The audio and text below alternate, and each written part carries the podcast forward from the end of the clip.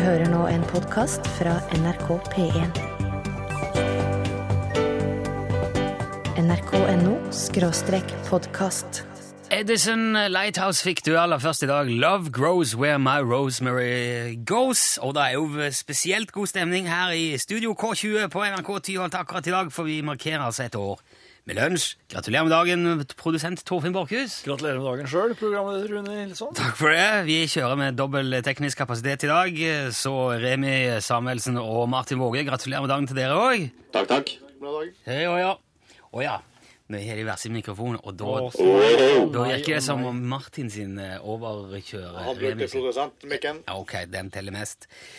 Vi må vel kunne si nå i dag, på dagen, altså nesten altså på minuttet et år siden vi starta opp, at det har vært en reise, Torfinn. Mm, det kan kalle det det. Det har vært en berg-og-dal-banetur uten sikkerhetssele. Ja. En ørkenvandring uten kart og vann. Oh. En slags måneferd uten returbillett. Eller et dykk til havets bunn uten oksygentank. En slags flytur uten trykkabin. Et restaurantbesøk uten tallerken. Det, det tar jo tid å venne seg til et nytt radioprogram, det- og et år er faktisk det er ikke så veldig mye i denne sammenheng. Ikke P1. Nei, her går, går jo gjerne programmer i 50-60-70 år før de blir bytta ut, så vi har jo strengt tatt bare så vidt kommet i gang. Men jeg syns det har vært et veldig fint, et veldig morsomt år. Vi har fått veldig mange gode venner gjennom radioen siden vi starta. Tusenvis av dere som hører på, som har vært med å bidra til sendingene, ringt inn og fortalt historier, sendt meldinger, SMS, Facebook, brev og postkort. Og nå som kanskje det verste sjokket over å få så mye tull og tøys servert på radioen på en helt vanlig hverdag klokka 11 har lagt seg, så syns jeg det har blitt en veldig sånn god og hyggelig tone her. Sant. Ja, sånn, Akkurat det som jeg hadde håpet Helt enig. på. Før var det jo distriktssendinger på denne tida, før vi la om eh, sendeskjemaet i fjor eh, på nøyaktig denne dagen. Så forandringen var ganske stor den dagen for et år siden. Og det var jo ikke alle som var like begeistra. For eksempel, jeg har tatt vare på en ting som ble sagt i bakkant av eh, Vidar Kvalshaug i Aftenposten. Han skrev Rune Nilssons stil er oppskrudd nærradioentusiasme. Han intervjuer han, øh, skal si, han intervjuer blant annet sin egen produsent. Det er deg. Programmet inneholdt mye av ingenting. Det gjorde jo det. Dette ga ingen retning eller lyttelyst. Nei. Retning er det fortsatt ikke her. Fins ikke retning. Nei, og det har vi ingen ambisjoner om å få heller. Nei. Noe særlig retning. Eh, Men lyttelyst har det faktisk vært veldig mye av. Overraskende mye. Eh, Hver dag er det mellom 500 og 600 000 nordmenn innom dette programmet. I løpet av ei uke blir det 2,7 millioner nordmenn som har hørt lunsj. Og hvis man gjør et litt grovt overslag og trekker fra sommeren og litt i jul og litt i påske, så kan man si at siden vi starta for et år siden, så har 120 millioner nordmenn hørt lunsj. Og det er mye folk! Det er, det er så mange nordmenn som det kanskje noensinne har funnes. Det. Ja, det er nesten som det er vanskelig å tro, men eh, sånn er det. Og det vil jeg bare si, Kvalshaug, det er i hvert fall mange flere enn dere som leser Aftenposten. Stein Torleif Bjella og hans tidligere band 12 Volt, det fins en plan. Nydelig låt. I dag så skal vi altså i anledning vår, eh, vårt lille jubileum se litt tilbake. Ja. Og gjøre opp litt status. eh, Hvor har vi vært, hva har vi gjort? Og det er mange som har sendt oss meldinger om ting de gjerne vil høre igjen. Og den første vi skal eh, glede i så måte, det er blant andre Ingrid Gjessing Lindhave i eh, Nitimen, vår gode venninne, som hadde veldig lyst til å høre din oversettelse av Dalai Lama igjen. Ja. Og det er jeg veldig enig i. Det, var slik, det kost meg med. altså. det var slik at i august en gang, mener jeg, så var Mette-Marit på tur til den indiske provinsen Ladakh. Nei, det var 21. juni vi sendte Og dette. i juni, ja. Ja. ja. På den sida av sommeren. Ja. Uh, og da var hun i en by som heter Le, og der var hun da uh, i, tror oss i håp om å treffe Dalai Lama. ja. Og det, det, det som var her, var jo at det gikk jo spekulasjoner i om kanskje Mette-Marit har vingla litt nå, mellom religionene. Ja, mellom eh, sin kristne tro og, og buddhismen. Ja, for at hvis du er i kongehuset, så må du være i statskirka. Dette eh, grov vi i ved hjelp av Torfinn og sin, eh, sin multispråklige egenskap, og fikk oversatt det Dalai Lama hadde sagt. å høre på. Ja. Ender som er tjukk, er ofte tamme, så det skjønner jeg. Sin. Ikke sant? Her er en mann som prater virkelig i bilder, altså. Ja. Men and som er tjukk, de er ofte tamme. Ja.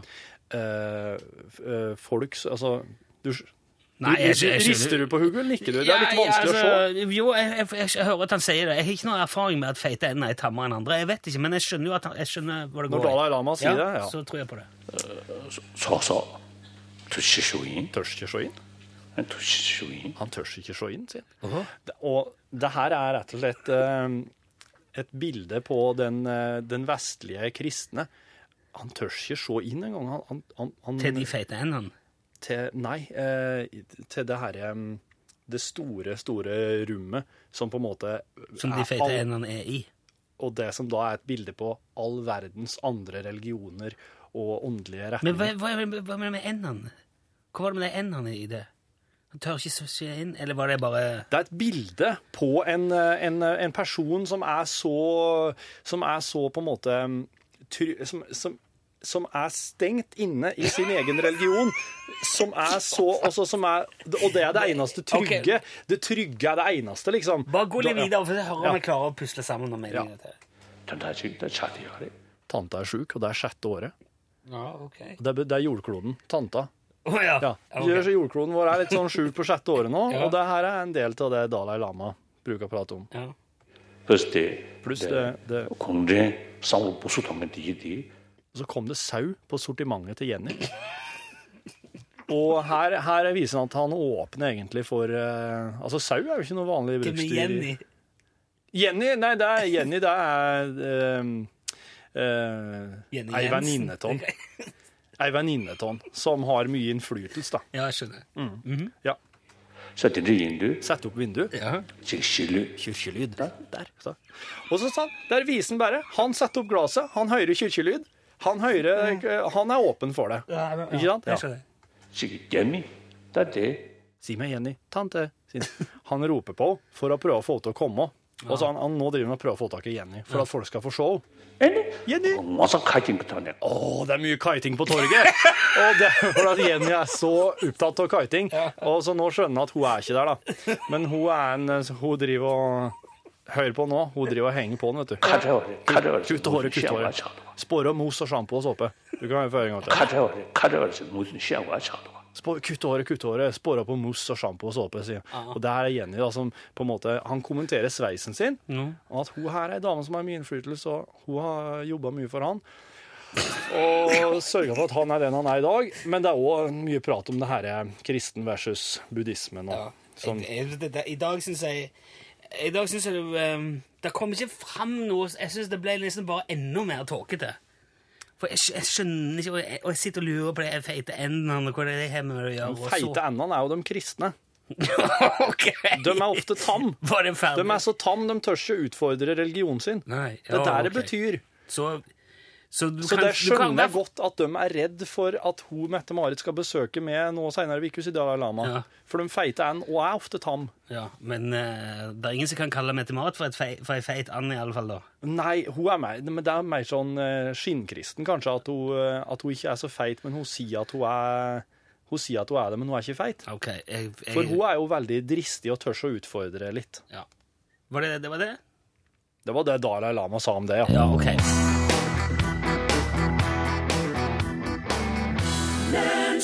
No Freedom eh, spilte og sang Dido for deg i eh, lunsj, hvor vi altså ser litt tilbake i dag og eh, skal prøve å innfri så mange ønsker, ønskerepriser fra dere som hører på som mulig. En annen klassiker som har gått igjen en del, er Arne og Betzy.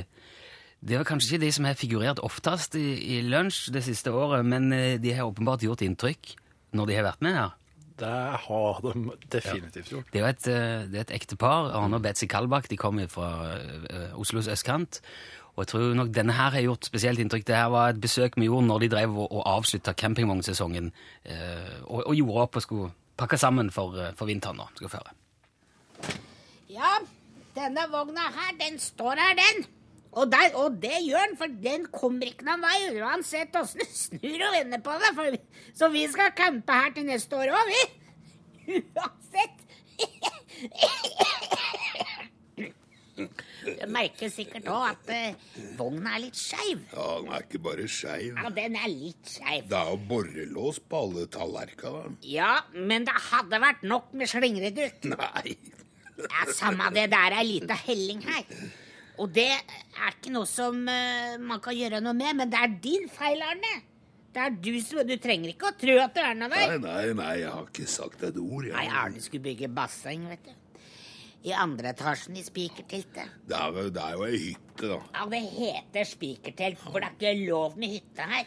Det er et fortelt i tre. Ja, Den har i hvert fall lafta. Ja, han kan være hva han vil. Vanntett er han ikke, i hvert fall. Nei, det Nei, og det var jo sånn her veranda på, oppå dette forteltet før. Og der skulle Arne felle ned sånn ba- Sånn motstrømsbasseng. Med boblegreier. 4000 liter. 3600 liter. Ja, samme det. Tungt var det uansett. Ja, ja. Ja, Så hele greia revna jo oppå der. Tusenvis av liter med klorvann plaska nedover vogna. Ja, det gikk helt fint. Vogna vant etter en, så det gikk Ja, bra. Men bakken under er ikke det. Nei. Nei. Så alt rundt her blei et helt digert gjørmehull. Og det var reine kvikksand, ikke sant? Så vogna seig ned i bakka og satte seg som en kork på skeive? Ja, han gjorde det. Ja. Og Arne var på med traktor og gravemaskin og tau og kjetting for å dra den opp, men da var det jo for seint. Så vogna var ikke til å rikke. Han fikk jo rykka den litt, da. Ja, altså herregud, den bandt fast øh, til traktoren skulle prøve å dra den ut, ikke sant? Så røsker den av hele kroken og hele det der festet foran. Hele dritten var knakk rett av med et smell. Det, vi- så det ville ikke vært mulig å flytte denne vogna uansett om vi fikk henne løs nå, Arne. Ja, men det er jo fint her, da. Ja, Det er ikke det jeg sier, men det kunne vært greit å ha det i vater, da. At det var, for det er jo slitsomt i lengden å sove i nedoverbakke. Men det, det er kjempebra miljø utpå her, da. Vi har jo Laila og Svein på nedsida, og så har vi Thor på oversida her. Så det er jo veldig bra nabolag. Så lenge Thor er edru, så er det bra. Ja, men han var edru Han var edru en dag i forrige uke nå. Torsdag, var ikke det? Ja, onsdag eller torsdag, for da var mora hans her. Og hun er ganske sjuk, ser du, så da må han holde seg klar i huet. Og da var det så rolig og fint og nedpå her, og da skulle du Og sett kunne jo grille òg den dagen der. Ja, det ble ikke så mye grilling heller. for Thor drikker bare hjemmebrent. Og da må han holde seg unna åpne flammer. Ja, kan være greit, Ja. det. Ja. ja. vi lar bare grillen stå når Thor drikker hjemmebrent. ja, vi skal ikke ha påska en gang til. Det var voldsomme greier. Han kom bort hit, og vi satt og grilla i påska, ikke sant? Satt der, den stolen der, rett ved sida av grillen der, og så rapa han. Ja, da skulle vi sett. Det var stikkflammer flere meter utover plassen her. og Tok, tok både barten og øyebryna til Arne, stakkar. Han har på seg løsbrød nå. Ta den av, Arne, få se. Ser du det? Det er limt på. Han er, Arne er så flat i ansiktet at den må nesten ha noe der. Så ser han ut som et spøkelse. og ser drar ut. Ja. Så neste år skal vi ha elektrisk grill. For dem er det ikke flammer på. Nei, Nei. det er greit. Ja. Men da er det egentlig bare å stenge av her, for nå har jeg Det er alt det som skal inn i teltet her, det er inni teltet. I Hytta, ja. I telt, hytta, Ja, samme det, men nå låser vi av her, så kan hele kan, Dette kan bare stå sånn. Rundt, nå står det sånn rundt sånn i mars-april, og så drar vi det igjen. Og det er så deilig. Og neste år har Arne sagt at da skal han rette på gulvet i vogna. Du kommer til å miste 20-30 cm takhøyde på denne sida her, da. Ja, det veit jeg, men det Jeg, det, jeg syns det er bedre, for dette det er forferdelig upraktisk. Se her nå! Kjelen vil ikke stå her nå, ser du det? Jeg, jeg kan ikke stå her og holde fast mens jeg koker kaffe hele neste år òg. Går da fint, det, Nei, det gjør ikke det. Ja. Nei, det blir ikke i år uansett. Nei. Nei, nei, det er ikke det, men nå er det slutt. Da får vi komme oss av gårde. Ja, for takk for i år, da. Så ses vi neste år av vogna vår. Ja. Hva med en liten sherry til napoleonskaken? Anna Betzy. Fra eh, Den der ble sendt eh, Når var den sendte det? Det var 4. september i fjor. Det var på sånn, høsten. når de var ja, det var når de drev og rigga den ned, ja. Eh, Det er jo et, et klassisk sånn eh, ektepar som Man kan jo lure på hvorfor de fortsatt holder i hop. Jo, men det tror jeg eh, Ja, det tror jeg er rock solid, det der. Ja, det tror jeg òg. Det jeg. I april i fjor så var jo òg Vi, vi har drevet lagt musikk òg underveis. Ja. Eh, og i april i fjor, jeg tror den her ble sendt eh, 20. april, da drev jo Eva Jolie og stilte til valg som president i Frankrike. Og vi fant ut at vi skulle prøve å avgjøre det valget ved å lage en slags hymne til Eva Jolie. Så jeg skal ta med det nå. Vi skal spille litt eh, musikk. Det, er må, det var i hvert fall Martin ønska seg, eh, vet jeg, om igjen. Den er så fin, den der. Den er full av nødrim. Nødrim av verste sort, Nei, men men det er en, det er en del av Nei, nei, styrken. nei, de er vakre. Ja, jeg sier det er en del av styrken til sangen. Så dette er altså Lunsj sin hyllest og sin, sin forsøk på å, å spille en rolle i fransk politikk. Sangen om Eva Jolie.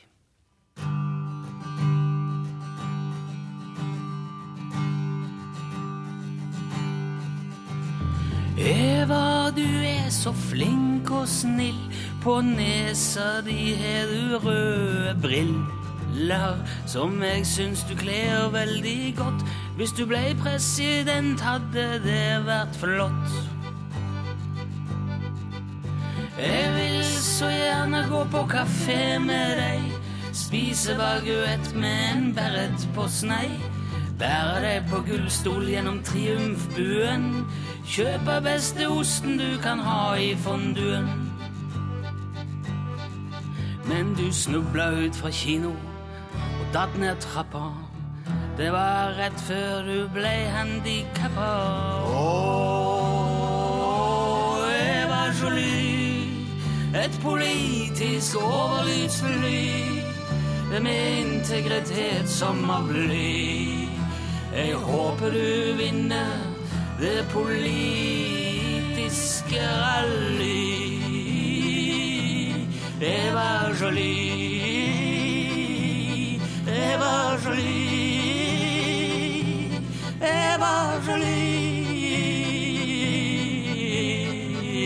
Eva, Eva, Eva, Eva Jolie, Eva, Eva, Eva, Eva Jolie, Eva, Eva, Eva, Eva Jolie.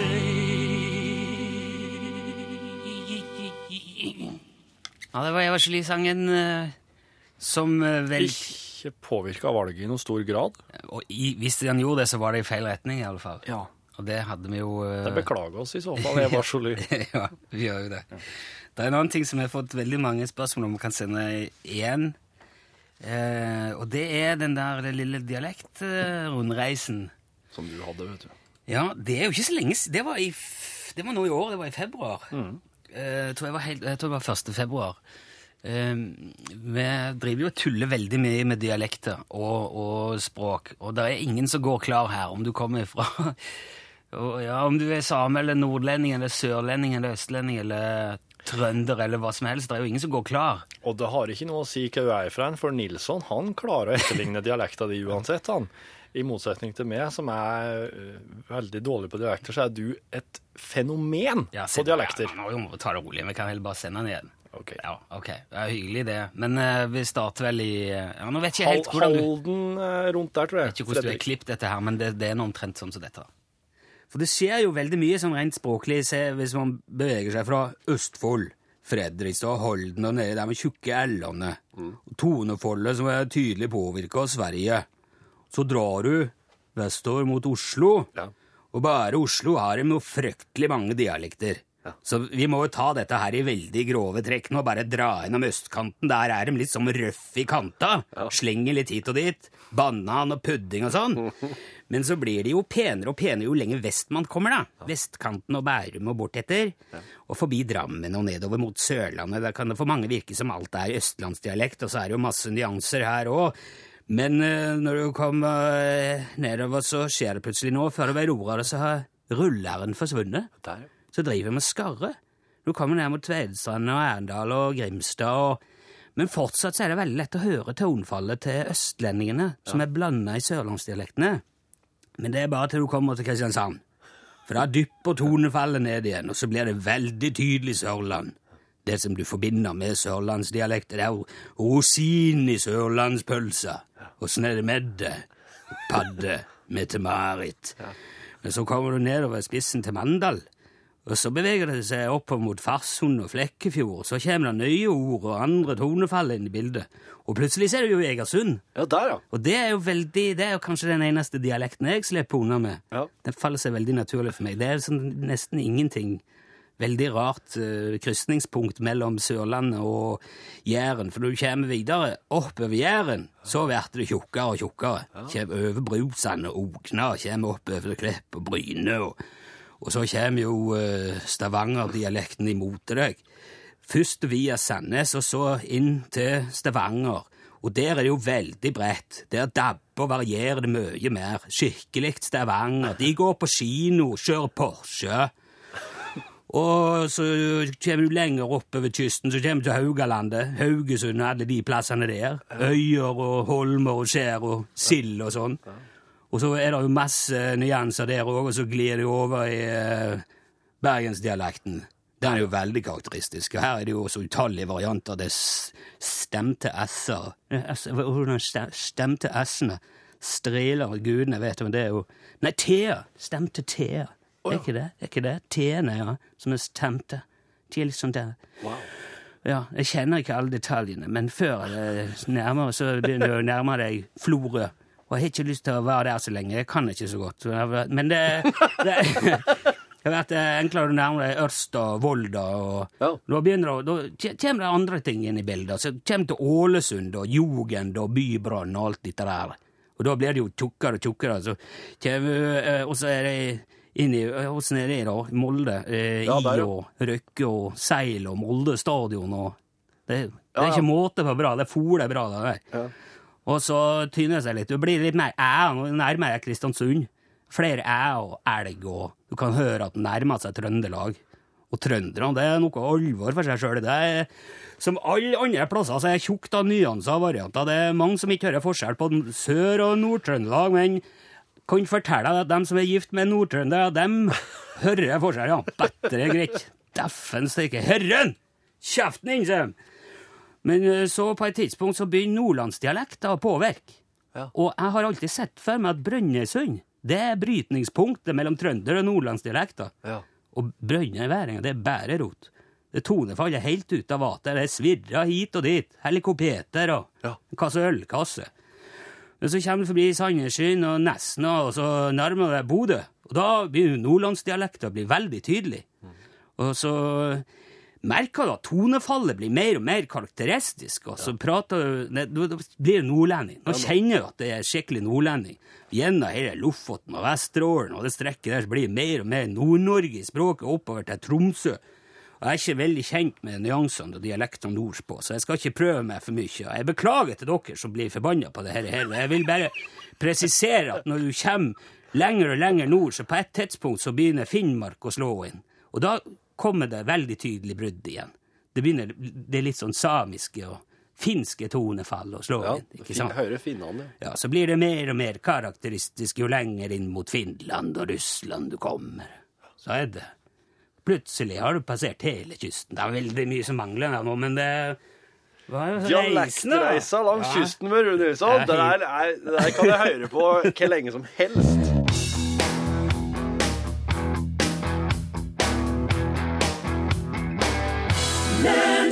Violet Road og Åge Aleksandersen sang Last Days in India.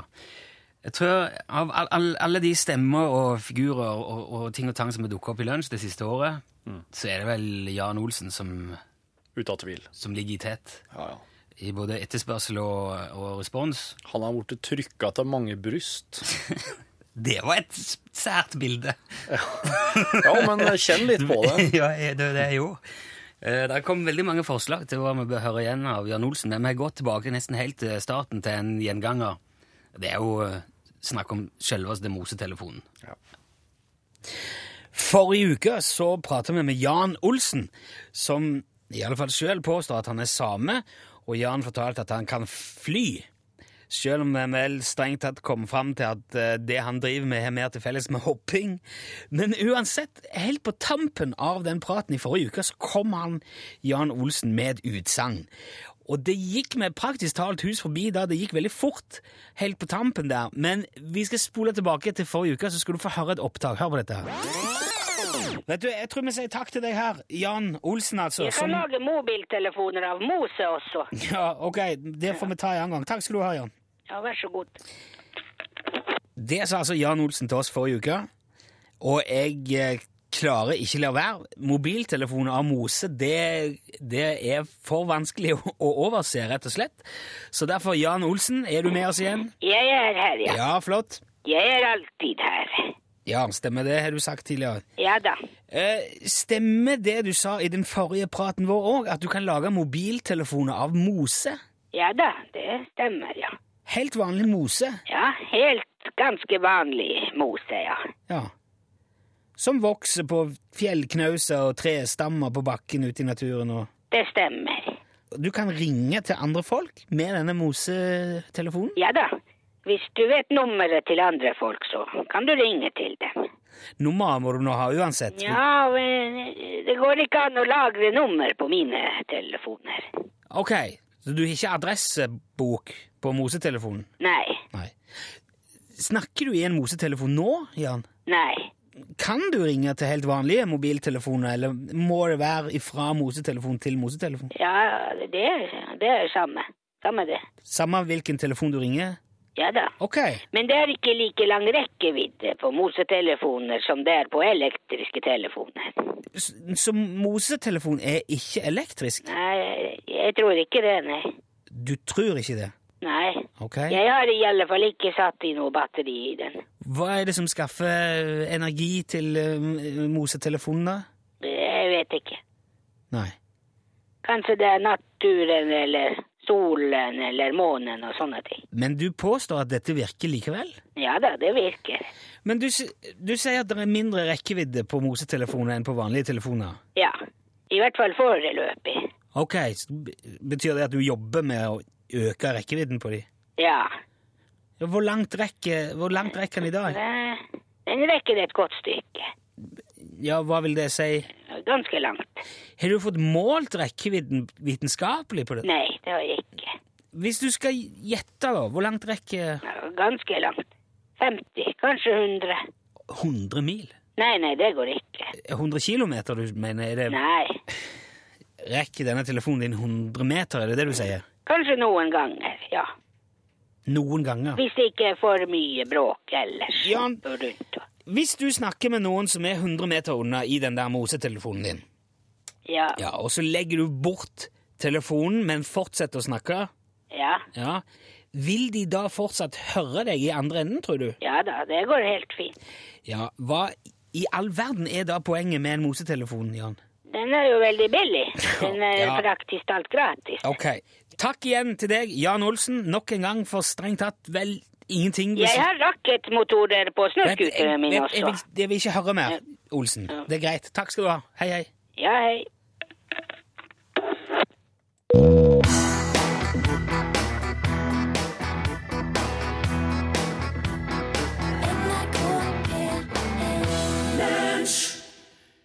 Det er andre, et annet prosjekt som jeg har drevet ganske mye med i lunsj eh, det siste året. Eh, og prøve å få kjente artister til å synge om andre ting enn det de synger om vanligvis. Ja. Eh, Kan, kan man få fram et budskap bedre i, eh, altså i egenskap av en, en artist? Ja. Det starter jo med at eh, hver eneste tekst i verden kan bli en låt av Bjørn Eidsvåg, men så har det balla på seg. Ja. Og eh, en av de som folk har kanskje spurt mest om å få høre igjen, det er Terje Tyslands gjengivelse av hvordan man kjenner igjen eh, en gris som skal til slakt. Ja. Hvordan veit du når grisen skal slaktes? Det er jo, en, eh, det er jo en, noe informasjon fra um, noe landbruksdepartement eller noe slikt. Ja. Så her, eh, her er han, da. Dette er Terje Tysland som synger om, eh, om griseslakting. Liker å sette det i en livesetting først. Det er jo mange som lurer på når eh, grisen skal slaktes. Eh, Det skal vi synge litt om. Ja, okay.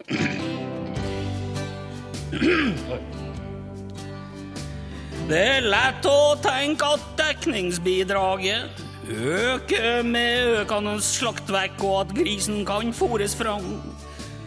Til den vekta der slaktprisen begynner å falle. Saken er nok dessverre mer kompleks. Fôrutnyttelsen blir dårligere med økende alder. På slaktegrisen det vil gå mer stadig kraftfôr. For å produsere et kjøtt, et kilo kjøtt. Kjøttprosenten faller med økende slaktevekt. Og i praksis reduseres oppgjørsprisen for alle kiloene på slaktet. Og riktig slakttidspunkt vil være Rett før fôrkostnaden ved å produsere et ekstra kilo er høyere enn merverdien av et kiloslakt. Ja, jeg rakk ikke de to siste linjene, men det var greit. Jeg tror budskapet kom fram.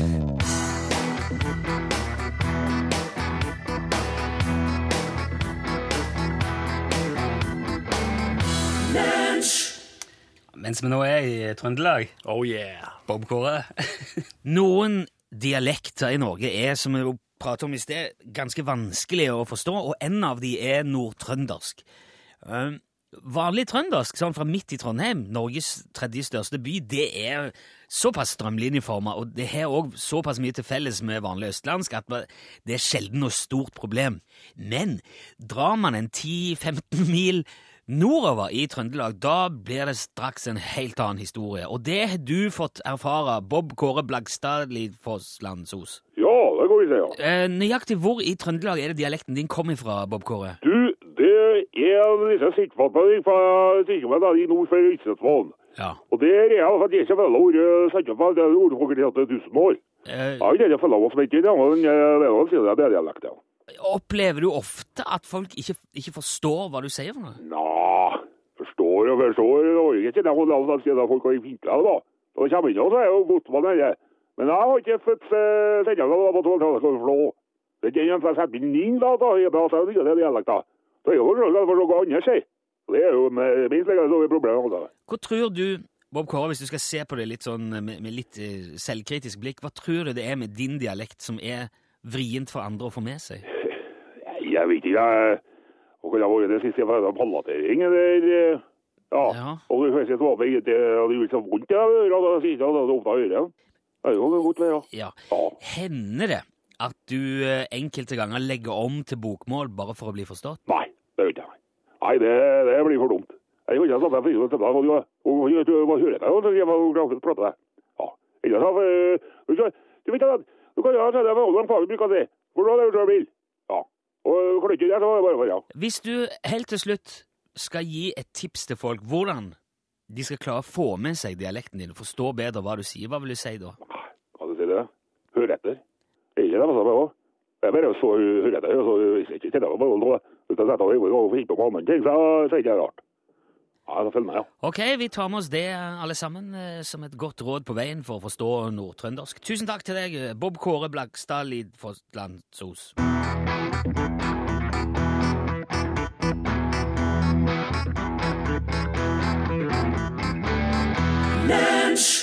Joni Mitchell, hørte du der? Help me. Og vi skal Vi, vi rekker litt til. Og, og der er, vi har hatt en eh, spalte gående i lunsj det siste året som heter Hallo, hallo, hvor folk ringer inn og forteller en historie. Der har vært mye gøy. Og kjempebra. Der er en eh, todelt installasjon som vi skal ta, koste på oss å høre litt igjen. Først ringte Rune inn og fortalte historien om familien som mista eh, Nei, som altså fant en katt når de stoppte og skulle gå på do langs veikanten. Eh, og ungene syntes så synd på katten som var død, at de tok han med i en plastpose for å begrave han.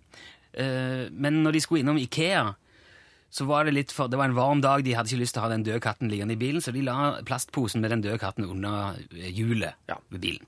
Så går de inn på Ikea, setter seg i kafeen og skal spise litt eh, kjøttboller der, og så ser de sin egen bil ut på parkeringsplassen, og der kommer det da ei liten eldre dame, bøyer seg ned og tar posen ved siden av bilen og forsvinner.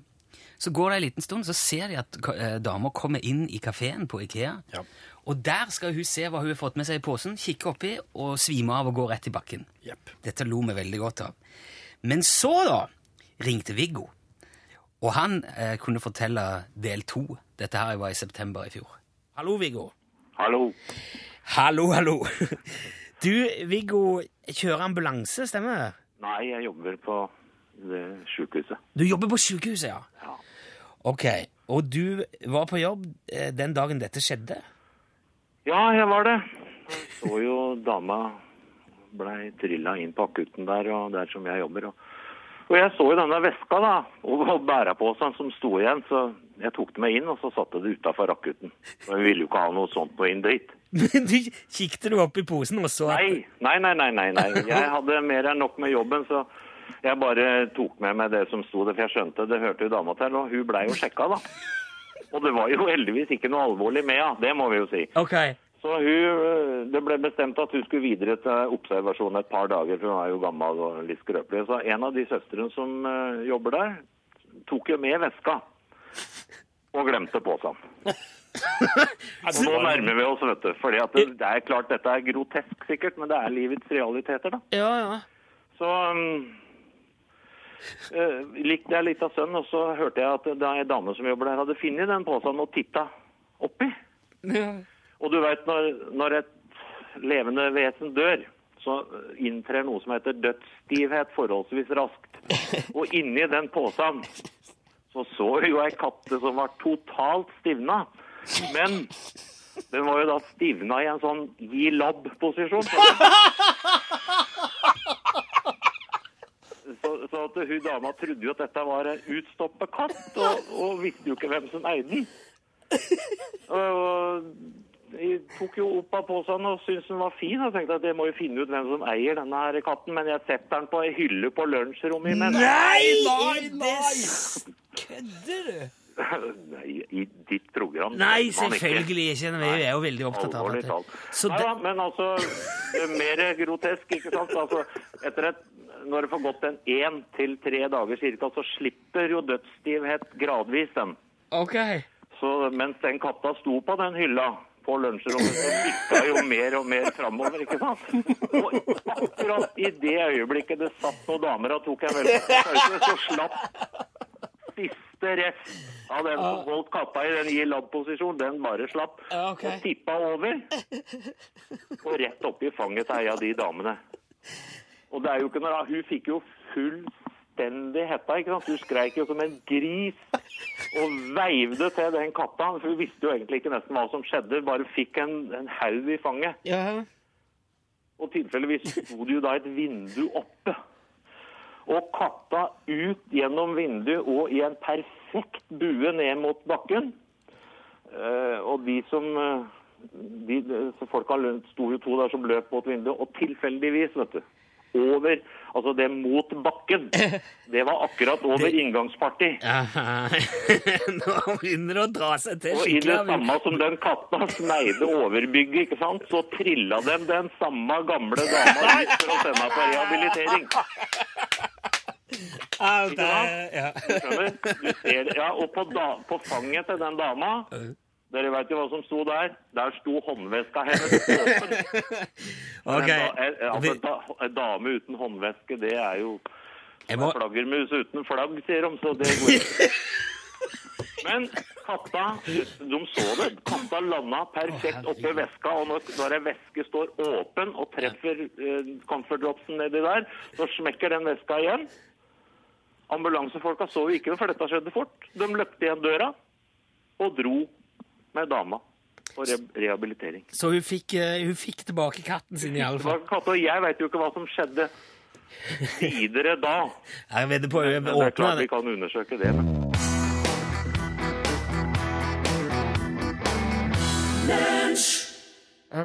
Everybody in the house, this is DJ Pop Emeritius featuring Cardinala Ultima Vaginala. Buongiorno.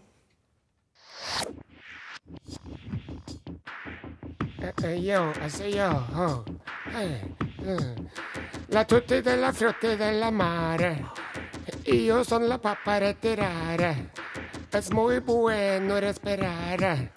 I ain't your pope, don't like the slippery slope. I don't smoke no dope. I use soap on a rope, so I had to elope.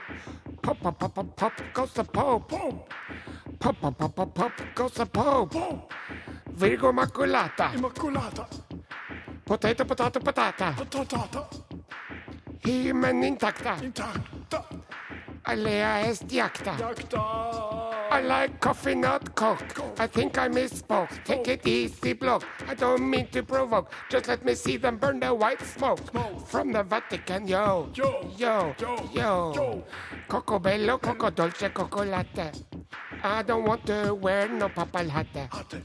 Und caffè con leche, caffè frette. Hatte. No, no pappalhatte. Grazie. Yo. Yo.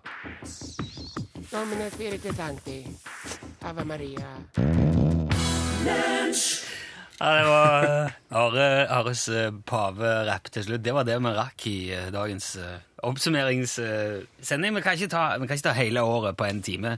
Men det var, det var litt kjekt å se litt tilbake. Takk for oppmerksomheten.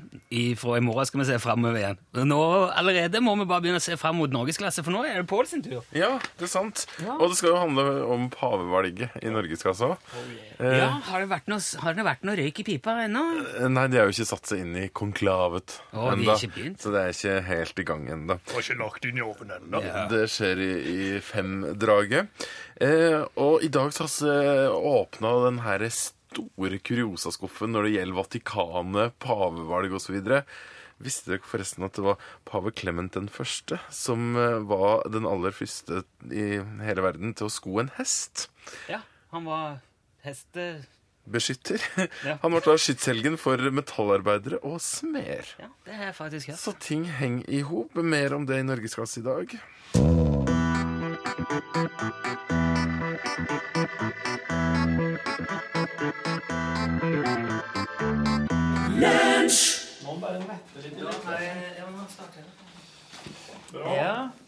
da har vi kommet til Da har vi kommet helt til bonusen. Oi! Nei, det var ekko. Må skru ned lyden. Det er jo reine, reine. Men du, jeg må pisse, altså. Ja, ja, gjør det. Dette er podkastbonusen vår på bursdagen vår. Nå har du jo hørt hele jubileumssendingen. Dette her er jo en litt uh, Ja, det er, litt, det, det er en billig podkast. For alt det du har hørt i dag, det har jo gått før. Bortimot alt. Men vi hadde veldig lyst til å se litt sånn tilbake. Og det er jo Jeg må si i all beskjedenhet så er det et par av de tingene vi har gjort så lenge vi har lagd dette programmet, som vi er litt stolte av. Jeg synes vi, Som jeg sa i Nitimen, denne blinde høna her har truffet funnet korn innimellom, og det var litt gøy å så gå tilbake. Men det var jo mange tips som kom inn i dag, eh, både under sending og før sending, som vi ikke rakk. En time går veldig fort. Og jeg tror vi, vi spilte veldig lite musikk i dag. Vi spilte bare noen egne sanger, og, noe, og så var det bare, bare moro. Vegg til vegg. Det nesten overdose. Men er det bursdag, så er det bursdag. Når vi har holdt på et år, så vi tenkte vi skulle bare fortsette. Liksom. Vi har funnet fram noen ting til da, som folk har bedt om, og som kommer nå i bonus. Det har vi sittet og funnet fram nå. Så nå, det blir enda litt mer mimring nå i bonusen. Så fort Torfinn har vært og pissa, så kommer det. Der var han. Han har vært inne på premierommet og tatt seg en ny T-skjorte i dag, Torfinn. Blues Jukebox på NRK1 Ja, Den er jo ikke lov å sende lenger, vet du. Det går jo ikke Blues Jukebox. Etter at de slutta med å sende musikk i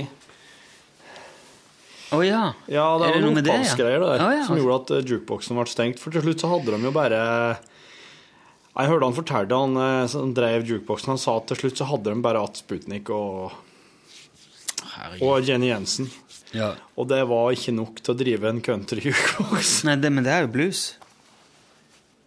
Det, det står blues på skjorta di, bare så du er klar over det. Det er ikke country-jukeboksen. Ah, country-jukeboksen. Danseband-jukeboksen går ikke den heller? Er Jeg tror- jeg tror ikke noen går. Ah, nei. Er Slutt på leit. slutt på den Den der danseband-jukeboksen, den har jeg kost meg med mange kvelder når jeg kom hjem. Ja, for at de har så vanvittige videoer. Ja, så jeg må innrømme at jeg ser på det med en viss ironisk distanse, men eh, gis med en stor grad av beundring og fascinasjon her. Altså, Jeg, sy- jeg syns det er veldig artig. De er veldig, de er veldig fine videoer. De har gjerne kanskje fått med seg fineste jenta i bygda, og så, og så går hun litt rundt i kule klær med Ja. boots og hatt og sånn. Og så står de og synger rundt forbi. Gjerne på lastebil, eh, lasteplanen på en bil, eller Og så kjører de litt bil. Ja, de kjører mye bil, da. Og litt traktor.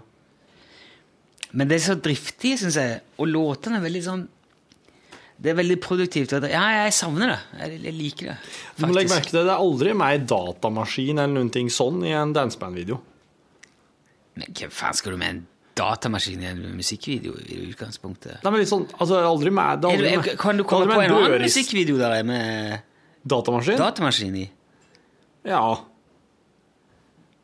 Det er altså i mange For jeg mener at for at et sånn utsagn skal ha på en måte litt punch, så bør du kunne henvise til i hvert fall én musikkvideo som er veldig kjent, hvor en datamaskin spiller en nesten bærende rolle, vil jeg påstå. Ja, ja det var kanskje litt vanskelig, da. Men, eh, men eh, ta for eksempel eh, Nå må jeg komme på en ting som er gjengs i Altså, jo. Eh, skating, for eksempel. Ja, på det flekk, ja. Ja, det er noe som er sølt på armen. altså. Hva kan det være? Ja, jeg vet da faen, men jeg liker det ikke. Men det, det, dette er jo søla oppå overarmen, der folk vanligvis har tattis. Ja. Hvordan kan du ha søla noe der? Og jeg, hvis det ikke er du, hvem har gjort det? Ja, det er Og har ikke du merka det? Det ser ut som det er noe rødt inni her òg. Rødt, ja. Sånn noe hvitt. Hvitt, ja. Du, eh, jeg har forklart nå at vi har funnet fram et knippe til av ting som folk ønsker seg. Ja. Til denne podkastbonusen i forlengelsen av uh, jubileumsprogrammet. Ja. Det er en um, Det var en historie som var fantastisk, uh, som vi må ta med fra Hallo, hallo. Ja. Er det med, hvor, du har klippet i dette her nå. Ja. Hans, vi får med navn og alt og Ja. Behøver jo strengt tatt ikke si noe. Dette her, altså Hallo, hallo er jo Det må vi for øvrig ta opp igjen. Ja da. Vi kan ikke bare ha pause. Utslagsnes og skal være så god. Nei, og så må ha litt av- og så hadde jeg litt av pause fra det, men det er jo egentlig bare fordi at uh, det er deilig å ha en pause fra noe som er digg òg. Ja, ja. Vi må ta det opp igjen, tror jeg. Ja. Kanskje allerede i morgen. Ja. Og det der er jo helt i det blå, for det, det er virkelig ikke noe tull med det. Nei. Det er bare ring, og det er rett ut. Vi, vi snakker ikke med noen på forhånd, vi siler ingenting som Nei. man gjør, eller det er bare Nei, Og til dere som lurer på, til dere som tror at det er oss som ringer inn med forvrengte stemmer og har funnet på det sjøl, det er ikke jeg. Det er ikke, Det er ordentlige folk som ringer inn. Det er ekte nordmenn som ringer inn og forteller historier. Men det kan jo gjerne være historier du har hørt før, som de skryter på seg eller ljuger på seg og har opplevd sjøl, men det er bare artig. Ja. Det er bare kult. Der er vi ikke noe grense. Nei, nei, nei. Nei, vi må høre den her. Den her er, dette her er en høydere, vil Ja, jeg si. det er det. Jeg er helt på dreit på meg, tror jeg. Ikke gitt noe tommel ned ennå. Nei, dere skal jeg være litt strenge i dag, kanskje? Nei da. Hallo, hallo! Hallo, ja. Hallo! Hvem snakker vi nå? Du snakker med Jon Asbjørn Johansen. Jon Asbjørn. Yes. Ringer du fra litt nordpå nå, Jon? Eh, nei, jeg ringer, ringer veldig langt sørfra. Jeg oh, ja. ringer fra Lar Larvik. Jeg er en såkalt eh, kvoteflyktning. ja, det... på grunn av vær og vind og alt det her. Å ja, du er rett og slett kli klimaflyktning? Ja, ja. Jeg Eh, rømte, jeg rømte sørover her for en fem, seks, syv år siden. Det, var den kvota med nordlendinger som kom til Lavik da, var den stor? Var det mange? Vi var totalt to stykker. Oi, oi, oi! Ja, ja. Som de, sier- som de sier nordpå, vi var et gjeng på to stykker som regel. Jo, men du, du har regnet med du trives og, og har det varmt og godt i Larvik, Jonas? Ja, det, ja, det er flott. Det er blå himmel nå i dag, og sola skinner og nysnø på bakken. Så vi kan ikke få det bedre. Ja, herlig. Du, Hva hadde du tenkt eh, å fortelle i dag, Jonas Ja, Bjørn? jeg skal fortelle deg historier om, eh, om ting som man ikke bør gjøre hjemme. ok. Som er, sa- sann. da. Ja?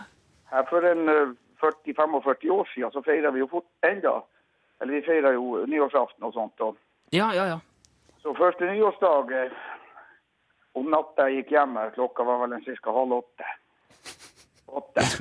Om, alle åtte om natta. Ja, om natta. Det var jo mørkt, så det måtte jo være natt. ja, ja. Ja.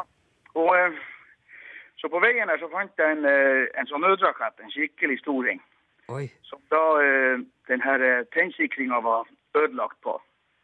En såkalt blindgjenger. Ah, ja, ok. Kom da hjem, og mens jeg gikk her, så tenkte jeg på hvordan jeg skulle få det elendigheten ut i atmosfæren.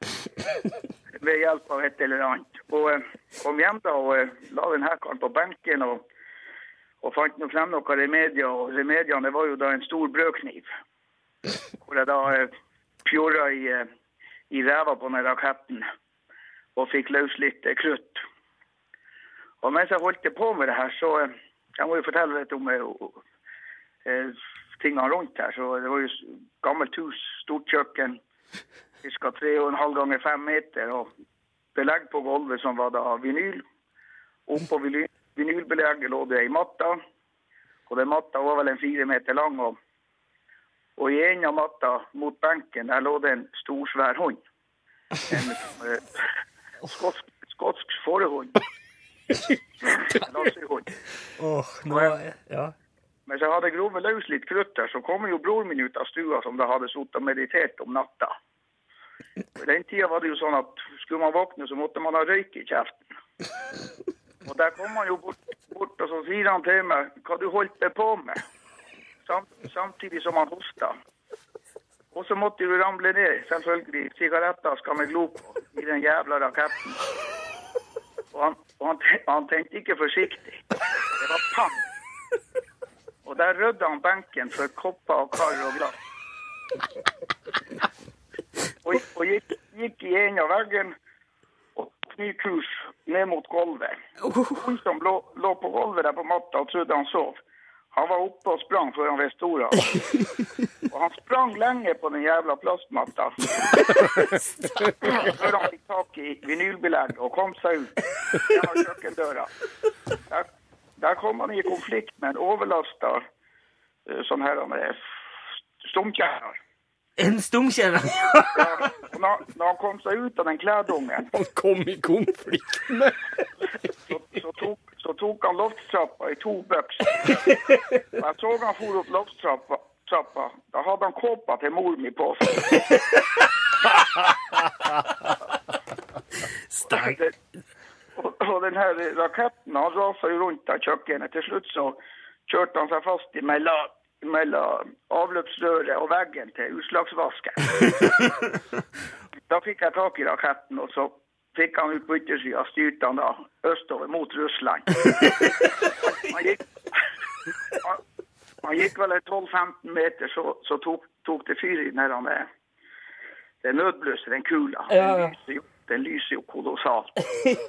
Så, vi, så jeg lyste vel opp, eh, den lyste vel opp halve Nordkapp kommune.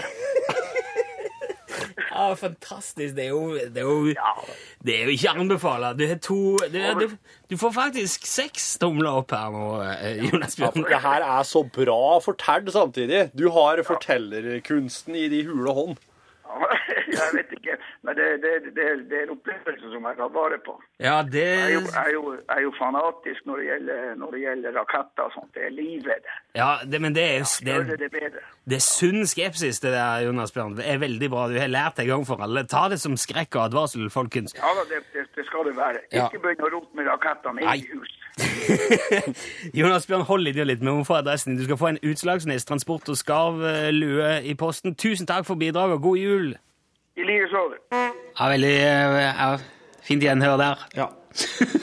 Topp. Nå, Altså, oss hører jo ikke det her nå. Vi hørte det ikke akkurat nå, men vi hørte det tidligere i dag, så det var veldig gøy. Ja. Og så sitter vi og bare late som på kontoret. Husker du hvordan eh, Stig Ørving ble født?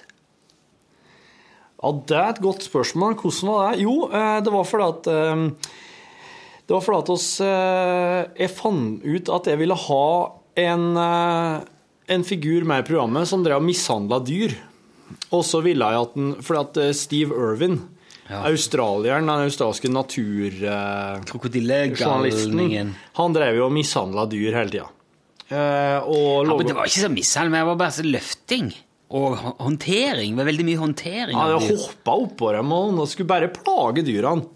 Han drev jo bare og plaga dem for å provosere Ja, fram en reaksjon. Krokodiller, kanskje, men eh, ellers så var det bare å løfte slanger, holde kenguru i halen og sånn. Ja.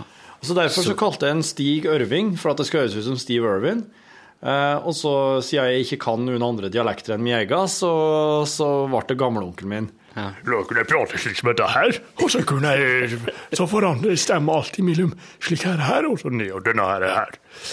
Og og så setter jeg meg da, setter jeg meg da inn i et sånn lite, lite mikro-mikrostudio vi har her, og så sitter jeg og Nå må du rette bort på der, nå skal vi få se. Og så går jeg bort på hit og prater inn her. Så må vi se med en reaksjon ifra meg. Det høres veldig likt ut når du gjør det. Men eh, det er veldig For de som måtte være interessert, det er veldig stor forskjell i metodikk på Torfinn og meg.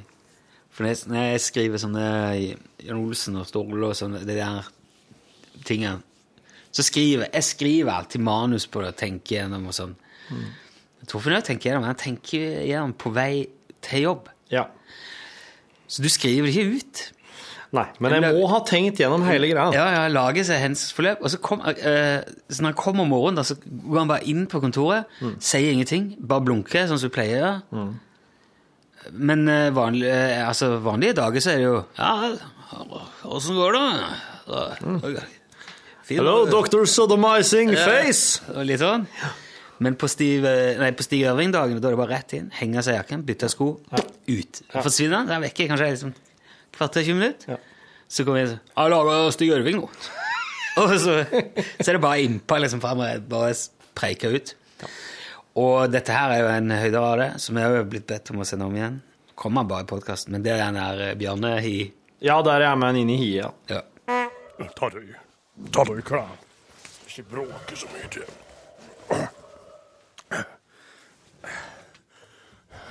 Ligger du godt? Ja, jeg ligger, ligger greit.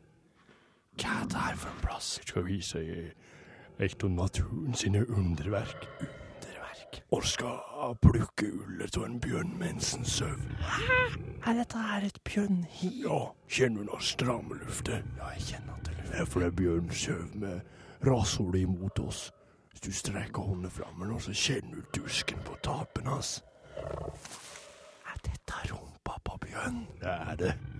Og nå skal jeg vise deg hvordan vi plukker av ulla av denne bjørnen, som er så god å ha og klein babyene med om vinteren.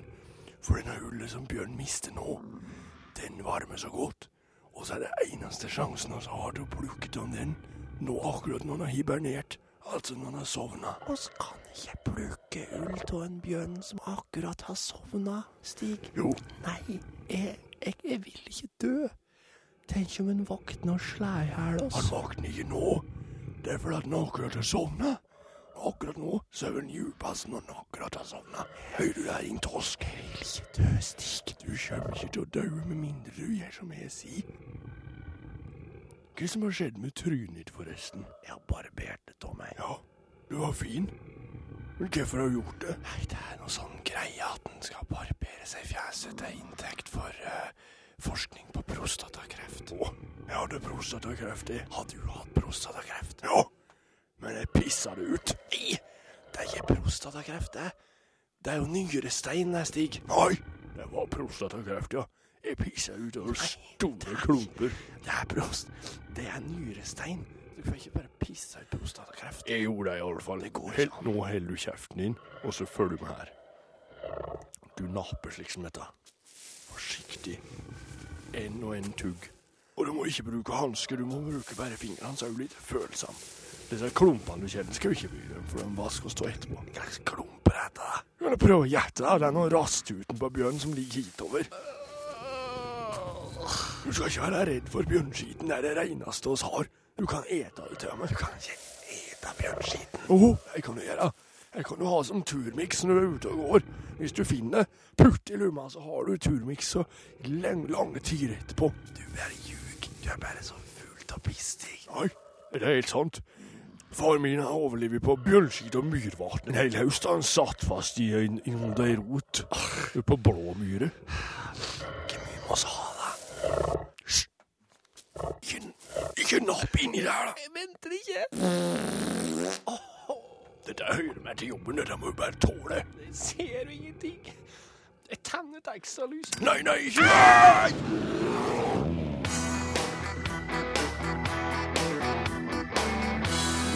Jepp. uh, men det er jo, det er jo Det var litt, sånn vendepunktet der. Det var liksom Ja, den er jo, det var fornøyd. Det er ikke alltid jeg har det. Nei.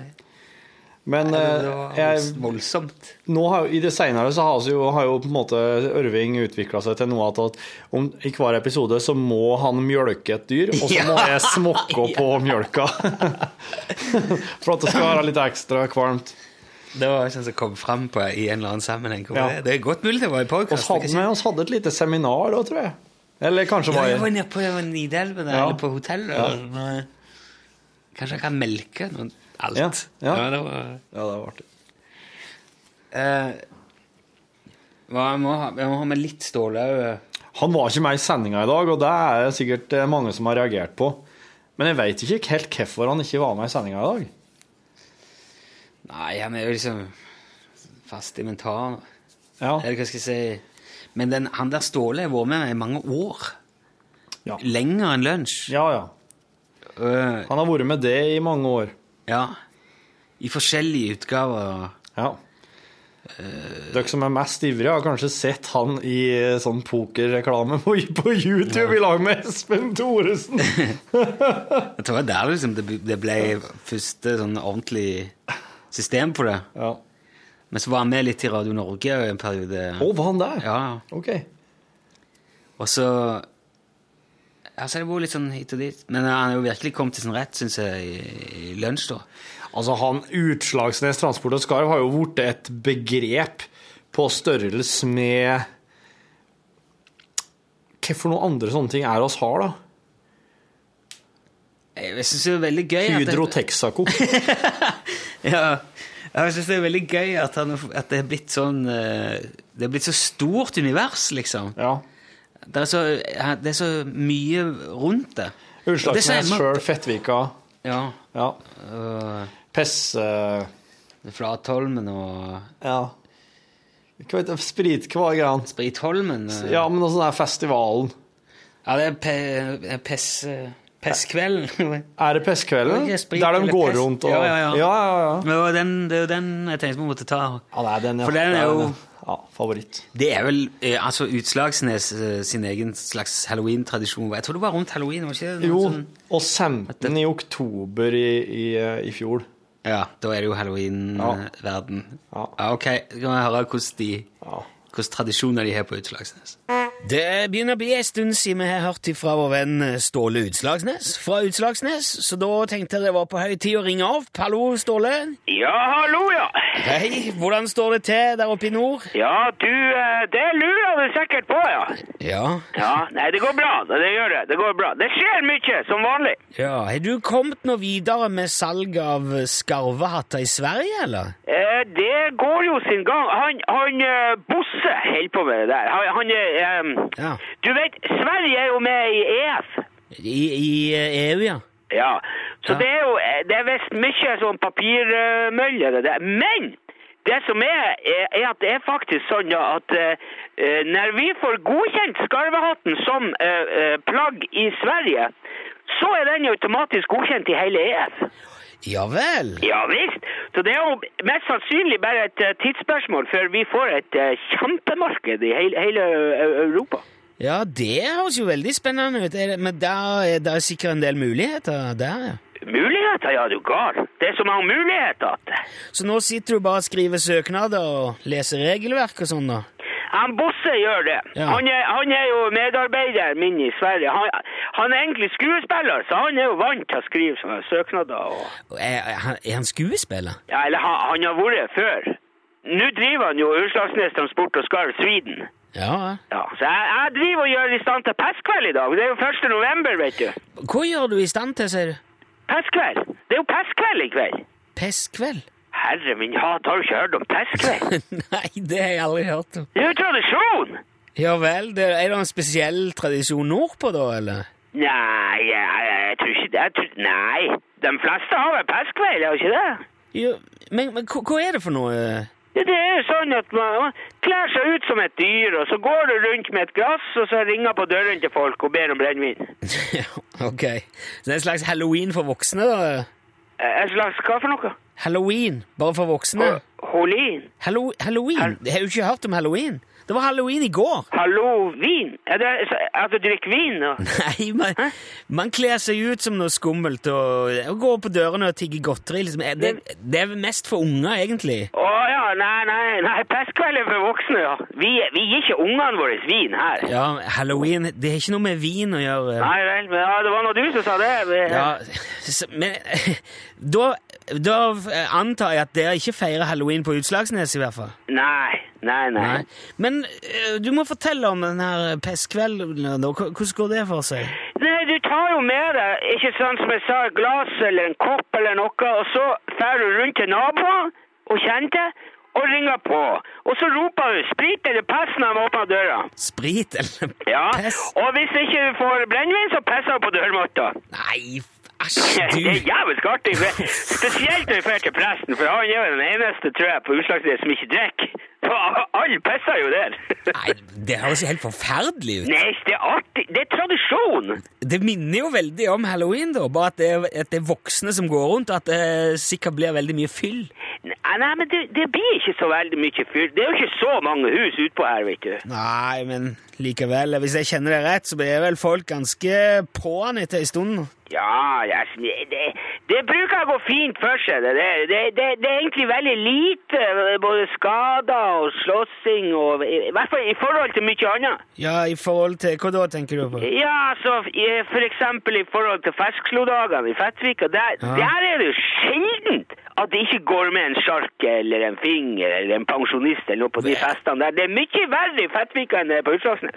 At det går med en finger? Ja, eller ei tå, eller De festene er jo nede på kaia. Og det går jo både trøkk og kraner nedpå der, så det er, jo- det er jo mye klemskader. Herregud. Jo, men pestkveld er jo bare kos. Det er uskyldig moro og artig. Ja. Men er det, så du driver og forbereder til nå, da? Ja, ja, ja. Så jeg, nå holder jeg på å stifte sammen et elgskinn som jeg og Steve skal ha på oss i kveld. Et elgskinn? Ja, ja, vel, Steve kjørte jo på en elg på tirsdagen. Det var kjempeflaks. Vi har tenkt å gå som kveita, men elg er jo mye stillere, og det, er- og det er mye lettere. Ja, men altså, må, man må kle seg ut som et dyr. Ja, det er, det er jo tradisjonen, ja. Ja. Men kan man kle seg ut som et dyr, eller må man kle seg ut i et dyr? Ja, Det har ikke noe å si, men vi gjør det jo skikkelig. Altså, han Steve og jeg har vunnet Pestkveldpokalen åtte ganger de siste ti årene. Ikke sant? Ja, er det prisen for beste kostyme, da? liksom? Nettopp, ja. Ja. Og jeg skal si det, det skal mye til for å slå oss i år, for den her elgen, den er djevelsk bra. Altså, svære horn og digert skinn og ja. Ja, ok. Så da blir det fullt kjør da på Utslagsnes i kveld? Ja, jeg mener, det blir fest og moro her oppe i dag. Ok, du får eh, kose deg, Ståle. Du må ha lykke til med, med pokalen og Ja, takk for den. Ja. Den er god. Vi, vi prates, vet du. Ja, vi gjør det. Ja. Ha det bra. Ja, vi, hei, hei, hei. Hei, hei, hei. Den der husker jeg reaksjonene Jeg husker så godt reaksjonene på den derre eh, Hva var det når, når, når de går rundt og skal Altså, sprit eller pe pess eller sprit eller sprit eller pess. Ja, ja. Igjen, vi hørte han ikke nå med akkurat nå. Nei. Det blir bare tullete å kommentere det. Han står Ja, for seg selv. sorry, men jeg husker bare reaksjonene kom på SMS, og folk sånn eh, nesten hylflira via SMS. Ja, gøy, ja. Ja, fy faen. Ja, noen ganger treffer det, og noen ganger gjør det ikke det, men Det, er- det, er her var aldri, liksom veldig gøy, det er aldri skivebom. Nei, ja, men Det er altså, det ikke. jeg er så typete uansett at det blir Ja. nesten noe samme. Ja. Men det er jo òg ting vi bare har rett og slett stjålet. Bare tatt eh, ja. Kopiert rett over og, og bare tolka og lagt lyd på. Som er lagd av noen helt andre. Og dere som mener det er under enhver kritikk, dere kan bare Dere har noe i vente, for å si det sånn. Ja. Eh, det der er men jeg har, tenkt, jeg har tidligere tenkt fytti rakker fordi at Atle Antonsen og Johan Golden gjorde det her, akkurat det der i gang. Det, var, det er et lesebrev som er skrevet om uh, av en nordlending, en finnmarking eller noe, som er så forbanna på samer, da. Ja. Uh, det er en sånn legendarisk uh, greie. Det er et veldig, det er et veldig sånn frodig Godt skrevet innlegg, men det er jo ekstremt Det er jæklig drøyt. Du skal dere faen tyke med eie blåbærene i hagen min. Har dere fått uh, sameting med ordentlige møbler og ordentlig uh, Hold kjeft og Det, det er skikkelig sånn harselering, da. Det er veldig, ja, det er veldig stygt. Det er, sånn, det er rasistisk, da. Ja, det er det, altså. Ja, det er det. Men det, sto, det skal ha stått på trykk i en eller annen eh, avis, om det var Nordlys eller jeg vet ikke, avis.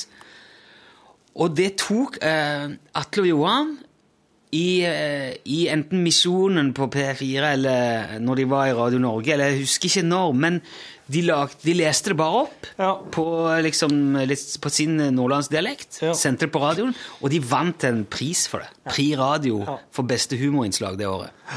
Det sier noe om de andre humorinnslagene det året, for å si det slik. Jeg husker jeg tenkte, er det sånn? Kan man vinne en pris med bare å gjøre det der? Og hvis det er mulig, da tror jeg faen meg vi fortjener en pris for den her òg. Ja. For at, eh, Den er, den er skikkelig artig. Eh, Den her har vært på internett all over. Ja, ja, det, på alle språk. Det er an. Den har vært, det dukker opp alle veier. Men jeg lo, jeg lo så sinnssykt godt når jeg leste det, at jeg tok bare, jeg tok bare leste den inn. Og etterpå så jeg, vet, jeg tror det er ingenting har drevet med som jeg har sendt eh, kopier til flere. Men du Fått spørsmål kan jeg ikke få kopi av den der. Og jeg dro den i, i bryllupet til broren min. Til- På direkten? Ja, bare som en historie, liksom. Ja, ja, ja. Til stor forlystelse. Jeg sendte den til flere av de som var i det bryllupet. Men du vet jo, en ting som hadde Eller skal han høre den først? Men skal vi høre den først, ja? Det er jo uh, Vi hører den jo ikke, men vi sier at vi hører den nå. Ja, det er, Dere får høre. Dere får høre den nå. Det er curry, curryferien. Franks uh, curryopplevelse. Den her, og, og ligger, all, ligger hele forklaringen på her nå, eller? Eller er det bare den? Nei, jeg har ikke klyften ut ennå. Oh, nei. Det kan jeg bestemme. Nå. Ja, men da, jeg kan, da kan jeg fortelle deg at det er historien om Frank som eh, Nei, bare ta med alt. Ja. Kjør med det. Ok. Og da hadde jeg tenkt at vi skulle rett og slett bare stjele en ferieopplevelse fra internett, for den er så eh, spesiell og så bra. Det er skrevet av den amerikanske turisten Frank. Han er Frank. Frank. Frank. skriver Frank på norsk. Han har vært på matfestival i den brasilianske byen Natal. Og så er Frank da på denne ølfestivalen, og så henvender han seg i Han går forbi sekretariatet i, i, på matfestivalen, og da spør han om veien til ølteltet. Han er der bare, han skal bare besøke Han er på ferie i Brasil og skal bare innom og skal, skal han finne ølteltet. da. Og akkurat da viser det seg at en av dommerne i en currykonkurranse har meldt frafall. Han kan ikke dukke opp. Så de har to dommere, men de trenger en tredje. Og så spør de Frank, da, siden han bare kom forbi. Du kunne jo tenkt deg vært med på å være dommer i en sånn matkonkurranse. Og de forsikrer Frank om at maten kommer ikke til å være for sterk, og han får gratis øl for å være med, da. Så han takker ja, og dette er da Franks eh, beretning. Curry 1. Sealands Maniac Monster Tomato Curry. Dommer 1. Litt mye tomat, festlig sting i ettersmaken. Dommer 2. Avdempa, fin tomatsmak, mild. Dommer 3. Frank. Voi, satan! Hva i helvete er dette? Denne kan man bruke som malingsfjerner. Bøtta to øl for å slokke flammene. Håper dette var den verste. Disse menneskene er gale! Curry 2. Phoenix BBQ Chicken Curry. Dommer 1. Lett røkt med smak av kylling, mild chilismak. Dommer 2. Spennende grillsmak, men trenger mer paprika for å bli tatt på alvor. Dommer 3. Frank. Hold denne unna barn og gravide! Jeg er ikke sikker på hvordan denne skal oppleves, foruten som ren smerte! Måtte avvise to mennesker som ville gi meg førstehjelp. De sprang gudskjelov til med mer øl da de så ansiktsuttrykket mitt. Curry 3. Shamilas famous Burn Down the Garage Curry. Dommer 1. Glimrende grillcurry, deilig sting. Dommer 2. Litt for salt, balansert bruk av chili. Dommer 3. Frank. Ring nødtelefon! Nesa føles som jeg har sniffa Plumbo. Heldigvis begynner de å skjønne greia her nå, og klarte å få inn mer øl før jeg selv antente. Jenta i baren dunka meg i ryggen, så ryggraden min er nå plassert fremst i brystet. Begynner å merke at det har blitt noen pils. Curry 4. Baboos Black Magic Bean Curry. Dommer 1. Bønnecurry, nesten totalt uten smak. Skuffende. Dommer 2.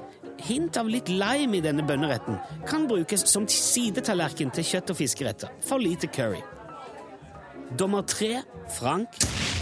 Følte noe bevege seg over tunga, men var ute av stand til å smake hva det kunne være. Kan smaksløker brenne opp? Shireen, jenta i baren, står bak meg og fyller opp glasset mitt fortløpende nå.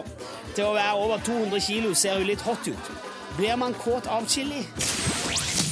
Curry 5. Lal's Legal Lip Remover. Dommer 1. Kjøttfull, sterk curry. Fersk cayenne gir bra spark og friskhet. Imponerende. Dommer 2. Middels oksekurry. Kunne brukt litt mer tomat. Ellers god bruk av sterk chili. Dommer 3. Frank. Det ringer i ørene. Svetten velter ut av panna mi, og jeg har problemer med å fokusere blikket. Slapp en fis, og fire av de bak meg trengte legehjelp. Deltakeren ble fornærma da jeg sa jeg trodde retten hennes hadde påført meg hjerneskade. Shireen redda meg ved å helle øl rett på tunga mi uten å gå den tungvinte veien via glasset. Lurer på om jeg fortsatt har lepper. Provoserer jeg at de andre dommerne ber meg slutte å skrike. Drit og dra! Curry 6. Verishnis Vegetarian Variety. Dommer 1. Tynn, men spennende vegetarcurry. Fin balanse mellom krydder og paprika. Dommer to Beste så langt. Aggressiv bruk av chili, løk og hvitløk. Superb. Dommer tre Frank. Tarmen er som et eneste langt rør med blåaktige gassflammer. Fis jeg nå, driter jeg på meg. Jeg er bekymra for at i så fall kommer til å etse seg gjennom stolsetet. Ingen bak meg nå, bortsett fra Shireen. Kjenner behov for å tørke meg i ræva med en softis. Curry 7. Selinas mother-in-law tongue curry. Dommer 1. Middels curry som åpenbart er laga på litt for mange ingredienser fra boks. Dommer to. Oi. Føles som kokken heiv innpå en boks hermetisert chili rett på slutten. Bokssmak. Parentes bekymra for dommer tre. Han virker opprørt og banner ustanselig. Dommer tre, Frank. Putt en håndgranat i kjeften min! Dra ut splinten, og jeg kommer ikke til å kjenne en dritt! Jeg mista synet på et øye, jeg mista følelsen i munnen, og jeg har ikke lagt merke til at mye av curryen har sklidd ut igjen og ned på skjorta. Buksa er fylt med lava, så den matcher skjorta. Prøv å se det positive i at legene neppe kommer til å lete lenge etter dødsårsaken. Har bestemt meg for å slutte å puste. Det gjør for vondt. Har ikke noe å si uansett. Trenger jeg luft, kan jeg bare dra det inn gjennom det 10 cm brede hullet jeg har fått midt på magen. Curry 8. Neidus toenail curling curry. Dommer 1. Perfekt avslutning. Perfekt balansert curry, ikke for utprega, men sterk nok til å gjøre seg bemerka. Dommer to. Den er god. Balansert og fin, verken mild eller sterk. Fikk ikke smakt mye da det meste forsvant da dommer tre feis, besvimte og dro med seg det meste av retten over seg i fallet. Han ser ikke ut til å klare seg. Hvordan ville han reagert på virkelig sterk curry, mon tro? Dommer tre, Frank. Ingen notat. Ok. Det var den. Den her er egentlig engelsk. Historie her er egentlig engelsk. Og den tingen jeg kom på før, oss, eh, før du, som hører på podkasten, hørte den, det var at jeg lurer på hvem som har oversett den, for det er nemlig en jævlig bra oversettelse. Ja. Jeg fant det på norsk, for jeg husker Voi Satan. Det hadde aldri jeg kommet på å skrive. Voi. Nei, jeg Voi, tror jeg det er en nordlending som har oversett den. Ja, fra engelsk til norsk. Og jeg kunne visst at noen klarer å finne ut hvem det er som oversetter den, her, så hadde det vært artig å prate med vedkommende. Det er så levende fint eh, beskrevet, liksom. Ja. Både smerten og ølet og alt. og... Mm. Ja. Fin dramaturgi og Ja, veldig god historie. Ja. Men den er altså virkelig ikke vår. Den er bare artig. Men Madame Rosa, hun er vår. Ja, hun, eh, hun husker du kom med fordi at du ville ha du, Det var jo rett før jul eller i høst en gang du sa at det var så mye sånn herre Hvordan kommer ditt og datt til å bli, og hvordan Ja. kommer vinteren til å bli, og sånne spekulasjoner i avisene. Store avisforsider der sånn Sånn blir Ja, men det, sånn er det hvert alltid. Hvert år på slutten av året. Ja. Og det har det vært i alle de redaksjonene jeg har jobba i, som er litt mer sånn journalistisk eller magasinprogram. Journalistisk eh, Altså, vi Jeg husker vi gjorde det i Opptur i P3, Ja, vi gjorde det i. Kaliber, vi gjorde det i Kveldsåpent når jeg jobba her i P1. Ja, ja, mm. Alle gjør det. Avisene gjør det. Når, når det nærmer seg slutten, så får de tak i Henning Haili eller en eller annen sånn spåfyr eller dame. Og så skal de si hva som skjer med kongefamilien før valget. For, Ja, ja. Og så er det bare det samme liksom, tomprat om eh, noe vil, eh, vil bli bedre, og noe vil bli mye dårligere. Og så kan det gå veldig bra, men det kan også gå veldig dårlig. Eh, Og så, er- og så er det egentlig ingenting, da. Det, det, det må vi ha. Lagde jo da Madame Rosa. Det ble veldig sånn på sparket. Veldig lite gjennomtenkt kjerring, egentlig. Og det Nei, jeg vet ikke. Jeg, men det er sikkert derfor. Jeg tror vi, hun har vært med to ganger. Og det er liksom ikke blitt mer. Det er noen som, er, som jeg syns det var veldig gøy og ville ha det mer. Men så har jeg ikke hatt så jeg liksom fot for det, egentlig. For jeg syns det ble så masete. Det var liksom ikke Men eh, vi skal ta med den første, da. Det er vel, tror jeg, den som er best. Det er den 'Hvordan blir vinteren'? Ja. Ja, hvordan blir vinteren? Så her er, her er spåkonen Madame Rosa. Jeg er veldig, jeg er veldig fornøyd med starten, for den er det Ragnhild, eh, Ragnhild i norgesklasse. Flere øyne. øyne. Som, eh, det er hun som er eh, stemmen i Telenor, eller telefonselskapet. Er det deg, ja? Ja, ja, ja. Akkurat. Hallo, madame. Denne tjenesten koster 849 kroner minuttet fra du får svar. Vennligst vent på svar. Hallo? Velkommen til Madame Rosas fantastisk spåverden på telefon. Jeg forteller deg din kjærlighet og liv, din fremtid, din fortid og spøkelse. Hva er din spørsmål?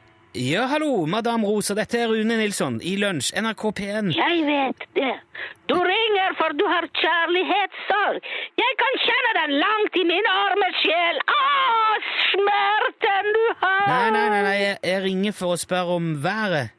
Jeg forstår. Ja, det var jo første vinterdag i går, eh, madam, og jeg lurer på om du kan si noe om hvordan vinteren blir i Norge i år? Altså, Blir det ny kulderekord og prissjokk på strøm og sånn, eller blir det mild vinter i år? Jeg ser, jeg ser, jeg ser snø. Snå? Massevis av snø som faller fra himmelen. Og, snø? Du ser snø? Masse snø Ja. og mørke. Det vil bli snø og mørke mange plass Norge om vinteren. Ja, men det er det jo hvert Vi bor jo nesten på Nordpolen her, det er jo ikke uvanlig med Og det kommer en mann med rødt klær og en elg, Ja. og han vil gi deg gave. En slips Ja, spår du julet nå, eller? og en med morsom farge på. Men dette her er jo ikke noe med vær å gjøre. Altså, Jula kommer jo òg hvert år. Det er jo ikke breaking news, dette her. Du vil måte en kvinne. Ja, så? Hun tar din hjerte, lager deg kjærlighet og elsker. Du blir en lykkelig mann. Jeg er lykkelig gift. Jeg har møtt en kvinne for mange år siden. Jeg. Nei, vent, vent, vent, vent, jeg ser, jeg ser, jeg kan se en små barn. Det vil komme lykke i din liv og i din kvinne til deg. Nei, det kommer ikke flere barn her. eh. Nei, det er ikke en barn, det er en marsvin. Hæ? En gullfisk. Ja, en gullfisk i en akvarie. Nei, du, jeg skal ikke ha hverken gullfisk eller marsvin eller flere barn. Jeg, skal, jeg vil høre om hvordan blir klima i vinter. Det er det eneste jeg lurer på. Jeg kan se du er mann, du går mye på ski. Du elsker snø. Ja, det er vel ikke helt eh, Det har ikke blitt mye skigåing i de siste årene. Du vil komme på nytt på ski, du vil vinne stor premie. Mange hyller deg, du vil komme på TV for mange penger. Din liv forandrer seg. Det blir stort og fantastisk. Hvorfor svarer du ikke på det jeg spør om?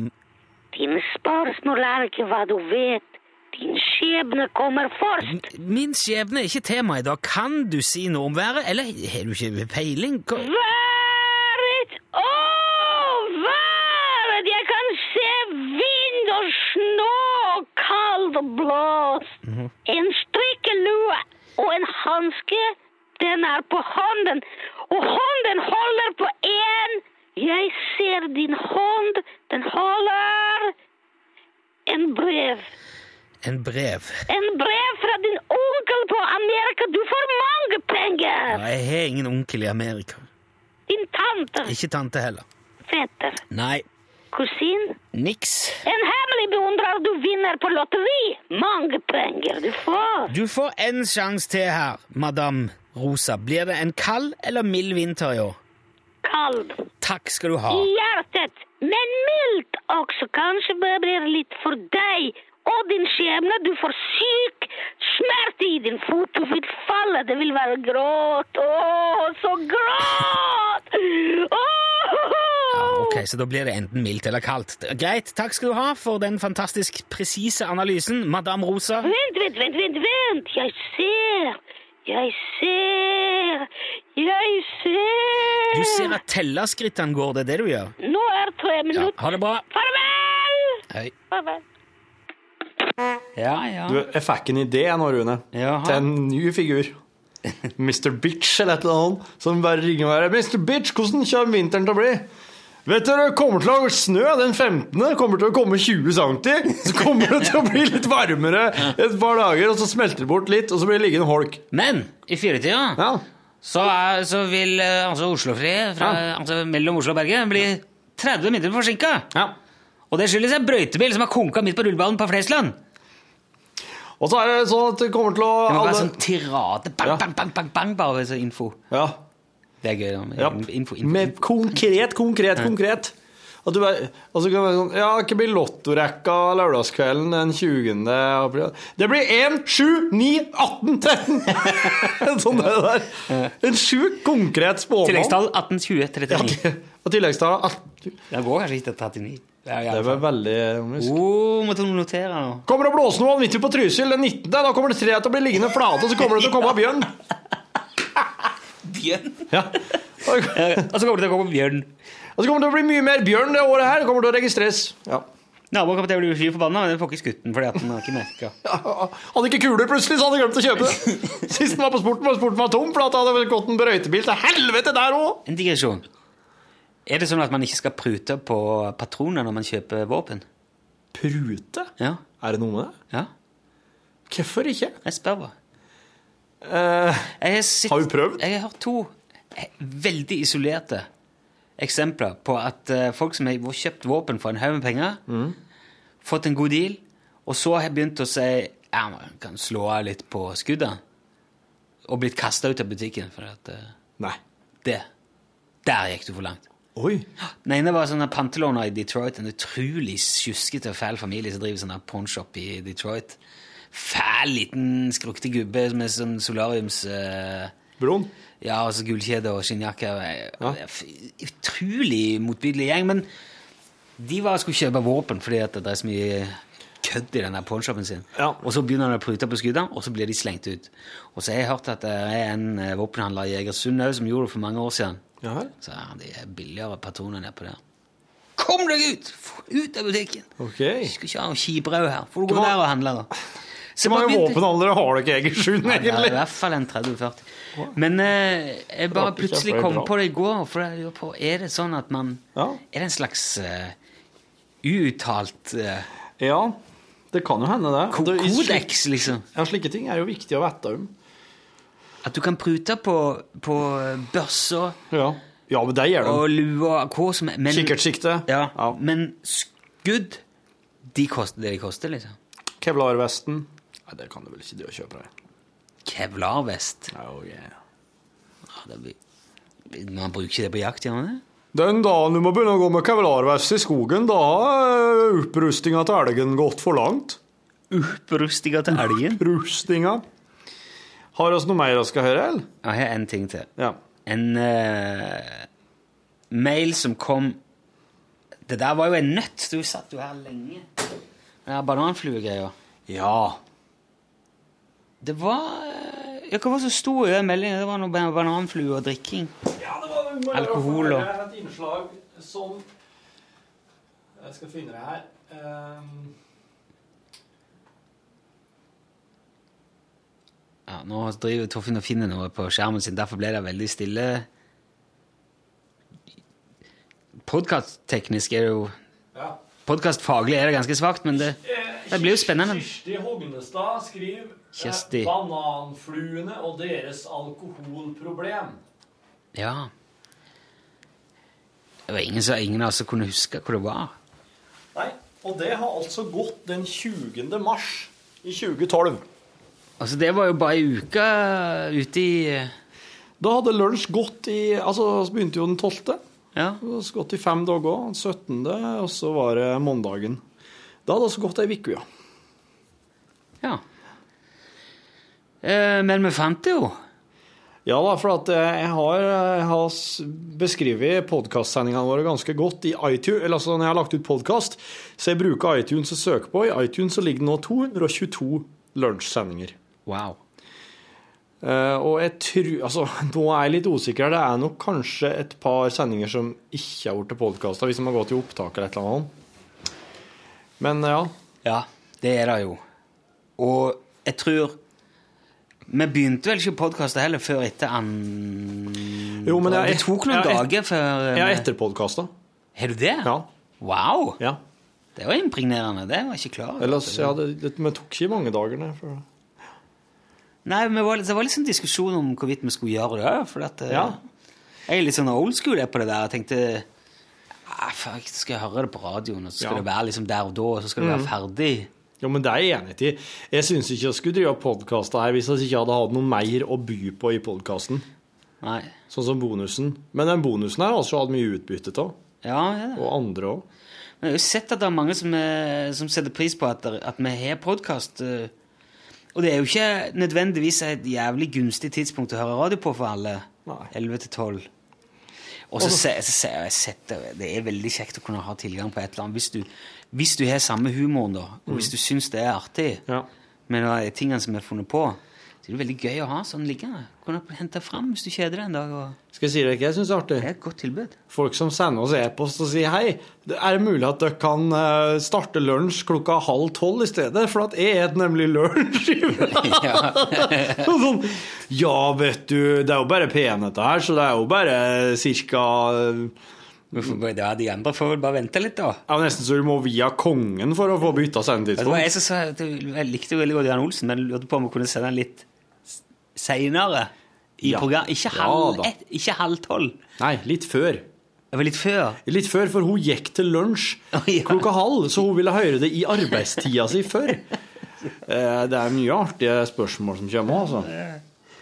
Men i alle fall, ta med den der uh, bananfluediskusjonen. Det, var jo et- det var jo bare en prat i studio, rett og slett, men det var interessant forskning, så det, det er verdt å merke Det er rart at folk husker det her, syns jeg.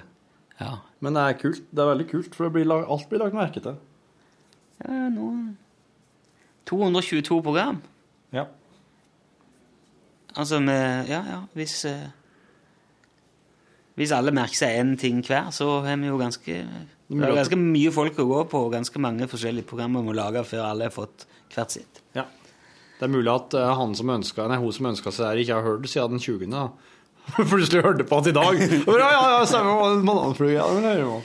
Ja, men eh, skal jeg høre, skal få høre hvordan det var med bananfluene. Eh, I serien Meningsløs informasjon så har vi i dag kommet fram til bananfluen.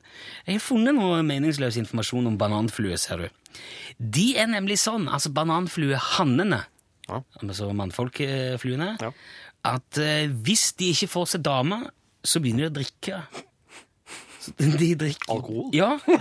De går på fylla, de slår seg rett på fylla hvis de ikke får seg dame. Det er jo ikke bare mennesker da, altså, som trøster seg med en dram når det ikke går helt. Det er noen amerikanske forskere som har utsatt bananfluer for ulike sjekkesituasjoner. Det er jo eh, men, Ja, ja, men dette vet, kan jo de, for de er jo vitenskapens folk.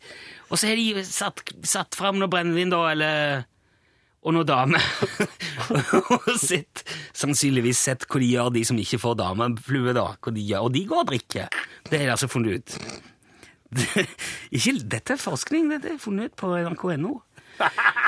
Problemet er jo da, ser jeg for meg, når de ender opp med seg, ikke sant, De kanskje ikke får seg dame med en gang, og så slår de seg på skikkelig fyller og går ut kanskje hver kveld lenge. Og så treffer de kanskje en dame som òg er mye ute og drikker mye. Og så er det jo eh, De er jo ofte mer uansvarlige, kanskje litt lette på tråden. Så tenker de er kanskje tilbøyeligheter mer til å være utro. Det går litt sånn over styr, da, tenker når alle drikker hele veien. Og så blir det sant, slåssing og krangling i heimen, da.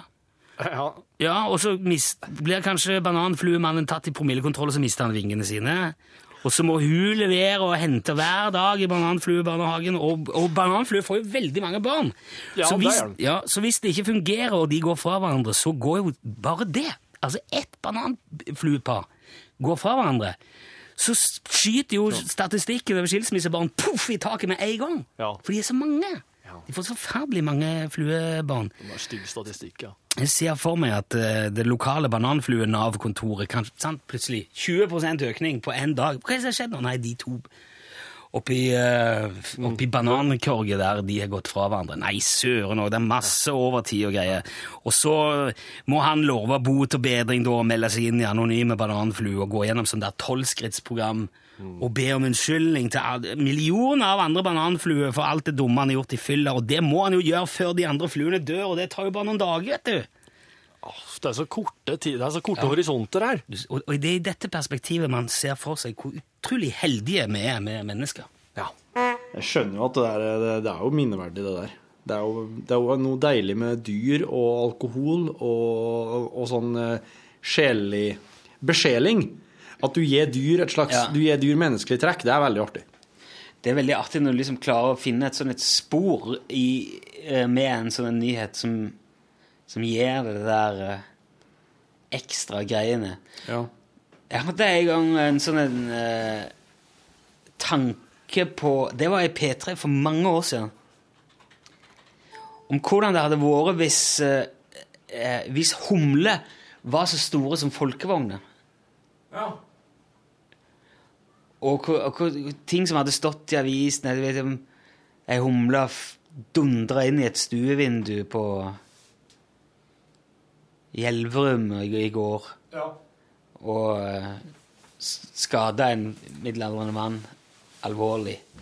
Og de, og de kan jo egentlig ikke De er jo veldig sånn De flyr jo veldig litt sånn i, i fylla-aktig. Humlene. De er jo ikke sånn veldig stødige. De, de bruker vingene på en måte De kan jo egentlig ikke fly, sier de. Det var sånn et treff. Og jeg syns den der bananfluegreia er eh, Det er veldig gøy når de er fulle og tenker som oss. Det var en ting til jeg tenkte jeg skulle eh, prøve. Det Enda en ting til! det var han som ønska seg å høre det der med ingeniørene, vet du. Ja, hva er det for noe? Jo, det er altså et eh, Ingeniør. Ja uh, Et foredrag fra en av de første sendingene om ingeniørmangel, og hvordan det hadde blitt dersom de hadde blitt erstattet av andre yrker. Og Nei, her igjen, altså. Dette jeg, jeg kan ikke øh, huske det. Nei. Det kan jeg ikke huske. Og jeg, jeg har tenkt så utrolig bakvendt òg når jeg driver tar vare på manusene og kjøreplanene. og Sånn. Vi er ikke, vi ikke kjøreplaner, men jeg skriver ut ting og jeg er sånn punktvise ark. Men, men de ligger på ukedager. Mandag 12. mars. Så det ligger jo Altså, først kommer alle mandagene. Eller den dagen som er først i alfabetet. Og det er vel Ja, you know. Ja, hva slags dag er det? Lørdag? Onsdag, torsdag, fredag. Så det er efter fredag. fredag. altså, kommer først. Fredag først kommer lørdagene. Sender ikke lørdager. Nei, jeg, finner jeg- ikke en, jeg finner ikke en ingeniørgreie. Det fins ikke system på det der. Det er veldig dumt. Nå har vi kommet rundt en gang, så nå må jeg begynne å skrive 13 bak. Det er, men jeg har liksom ikke gjort om på det her. Jeg kan ikke sette meg ned med alle det, så må jeg finne en ny tittel på det, bare for å systematisere. Det gidder ikke, det ligger i Det får bli som det blir. Ja. Men nå fikk vi jo Det var jo en, det var en, en solid mimredose i dag, da. Ja, det var det. Jeg tror det blir en he- hekkans lang podkast. Ja, den blir rå. Den blir fin. Den der blir stående som en påle nå for ettertida. Det er nesten sånn du kan bare drite i alle de andre, så kan du laste den og bare ha den. Mm. Altså hvis du, Lunsj er det, det er den, det. The one podcast to rule them all, and in the darkness bind them. Skal vi on that bombshell takke for oppmerksomheten og legge i vei mot de neste, det neste året? Du er helt like sokker i dag, og de ser nesten helt nye ut. Ja, vet du, disse her er ganske nye, altså. Jeg kjøpte dem nye til meg. Men det ser likevel ut som en veldig gammel manns sokk. Jeg kjøpte dem jo i sånn Jeg gikk forbi noen konfeksjonsgreier, så bare så jeg han Tre for to. En klink. OK. Takk for at du lasta ned den der Maximales-podkasten. Du har nå hørt en podkast fra NRK P1. nrk.no podkast.